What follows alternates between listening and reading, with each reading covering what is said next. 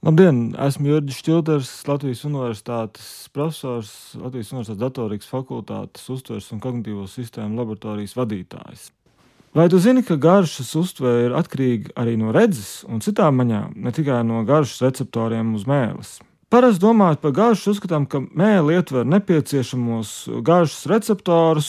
Šis viedoklis ir gadu desmitiem, pat simtiem populārs, lai gan pēdējo 20 gadu laikā zinātnē ticis būtiski apstrīdēts. Un saskaņā ar vairāku uh, laboratoriju, vairāku pētnieku grupu rezultātiem, īpaši šeit jānorāda Oksfordas Universitātes pētnieku darba rezultātiem, tad mums ir jānošķir garšas sajūta, kas ir uh, mēls receptora darbības rezultāts, no garšas uztveres, kas savukārt rodas garšas sajūtai, nu, tas, ka tam, kas ir uz mūsu mēles, miedarbojoties ar citām maņām, ožas, redzes, taustes, dzirdes.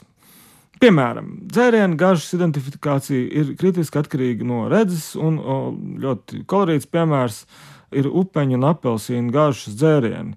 E, ja ir pilnīgi neierastas krāsas šiem dzērieniem, teiksim, sarkanā krāsā, upeņu dzēriens vai dzeltenā, mēs, nevarēsim, mēs nevarēsim garšu noteikt.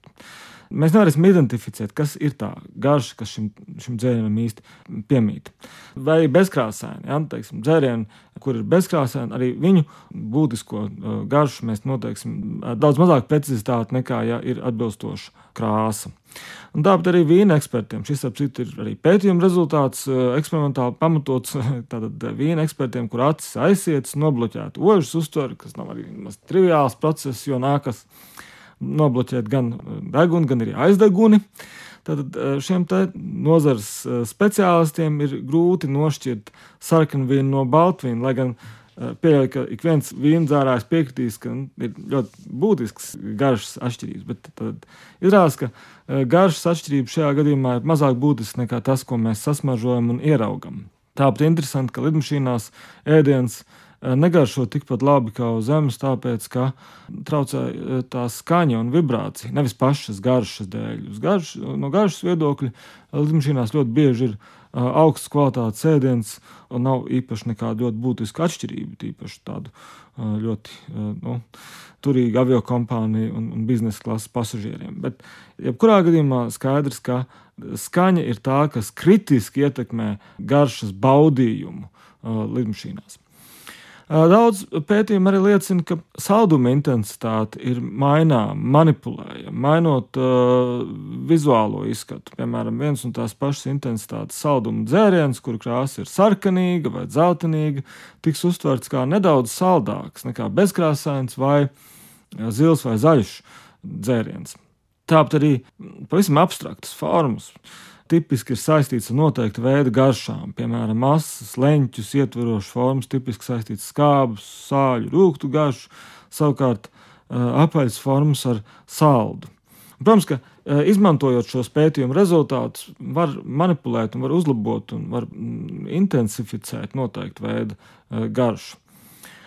Interesanti, ka garšas patīkamā pieredze ir saistīta ar virkni kontekstu faktoriem. Un, un arī, arī šis ir jautājums, kas ir, ir tikai pēdējo 20 gadu laikā intensīvi pētīts. Un, piemēram, saskaņā ar vairāku laboratoriju pētnieku darba rezultātiem, saldējums vislabāk garšos parkā vasarā arī restorānā, bet salīdzinoši vismazāk mājās vienatnē. Respektīvi, nevis tas, kas eh, norisinās mūsu mēles receptoros, bet tas konteksts, kādā mēs baudām, nosaka to, cik labi vai cik, cik slikti mums kaut kas garšos.